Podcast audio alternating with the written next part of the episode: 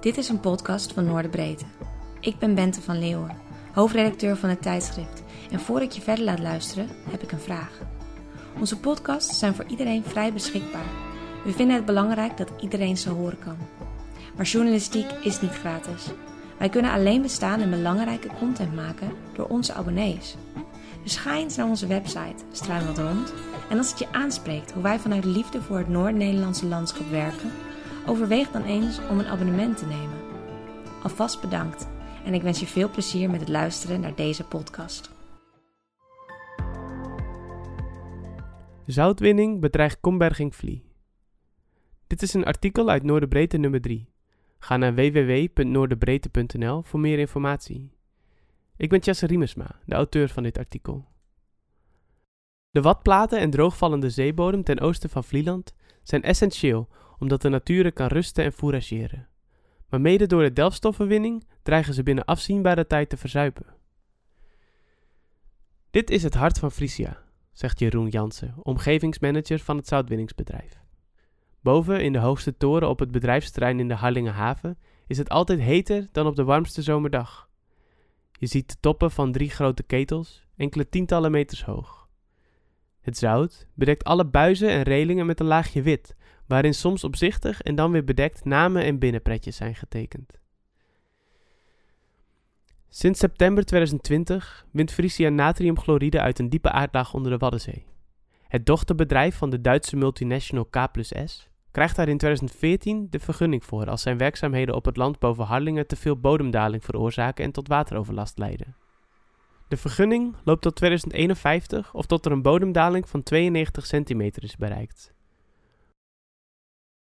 Op het terrein van Frisia gaat warm water door een drukregelaar de grond in.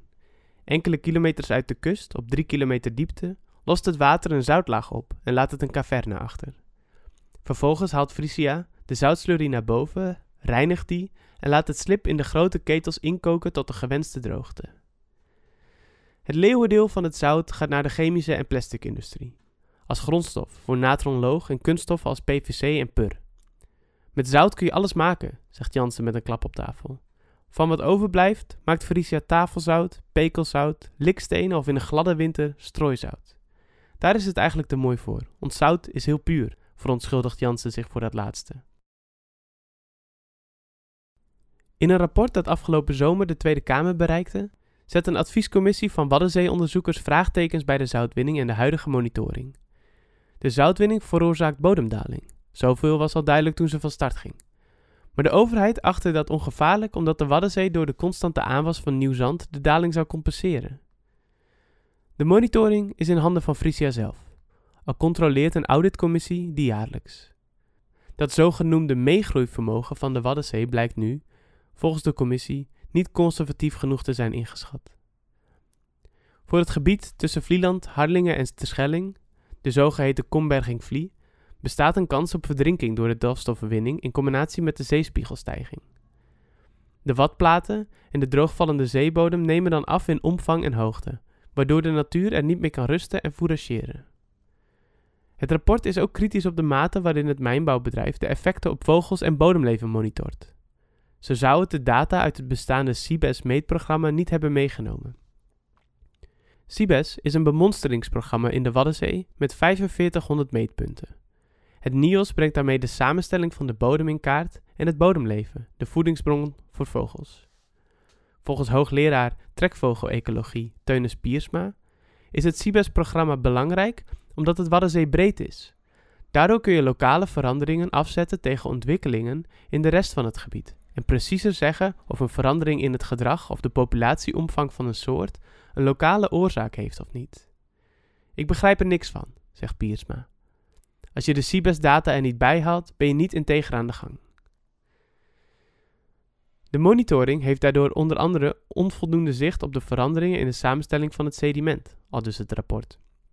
Het zand dat de bodemdaling compenseert, komt uiteindelijk van de Noordzeekant van de eilanden. Omdat het Nederlandse kustbeleid erop is gericht de kustlijn vast te houden, wordt er jaarlijks zand opgespoten. Maar zand is niet hetzelfde als de slibbige grond die op de watplaten en de bodem ligt. De vraag is vervolgens ook wie de analyses doet, aldus Piersma. Volgens Jansen klopt het adviesrapport niet volledig en maakt Frisia wel gedeeltelijk gebruik van CIBES, namelijk voor de bodemdata. Voor het algemene gebruik van de gegevens van CIBES zou het NIOS volgens hem een voor, voor Frisia te hoge prijs vragen. Omdat de NAM en de overheid het programma bekostigen, zou die laatste de data vrij beschikbaar moeten stellen voor de zoutwinnaars en andere vergunninghouders. Ook over de rest van het rapport is Jansen niet te spreken. De adviescommissie heeft Frisia niet gevraagd voor input. Terwijl de zoutwinning onder de Waddenzee al een jaar draait, zijn er nog veel onzekerheden over de schadelijke effecten. Wanneer is er te veel twijfel om nog door te gaan? De vergunning van Frisia is gegeven volgens het hand aan de kraan principe.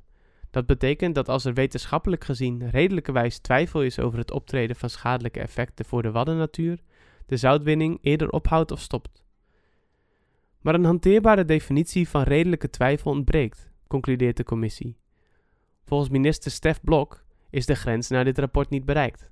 Hij heeft Deltaris gevraagd voor een nieuw onderzoek en laat de winning doorgaan, omdat de effecten op de korte termijn geen rol zouden spelen. De Waddenvereniging vindt dat onbegrijpelijk. In de vergunning staat dat als er twijfel is, de zoutwinning niet doorgaat, zegt projectmedewerker Frank Petersen.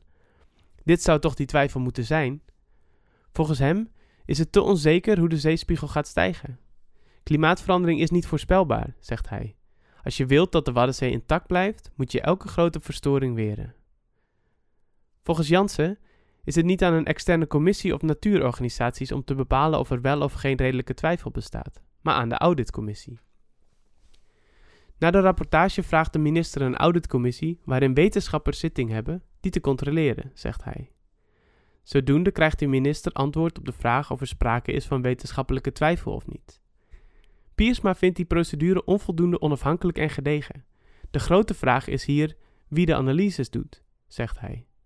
Dat moet de overheid laten doen door onafhankelijke wetenschappelijke partijen, zoals het NIOS of de Rijksuniversiteit Groningen. De basis van de beslissingen moeten geen interne rapporten zijn, maar openbare en door derden gecontroleerde wetenschappelijke artikelen. En ja, dat wetenschappelijke werk is nu eenmaal duur.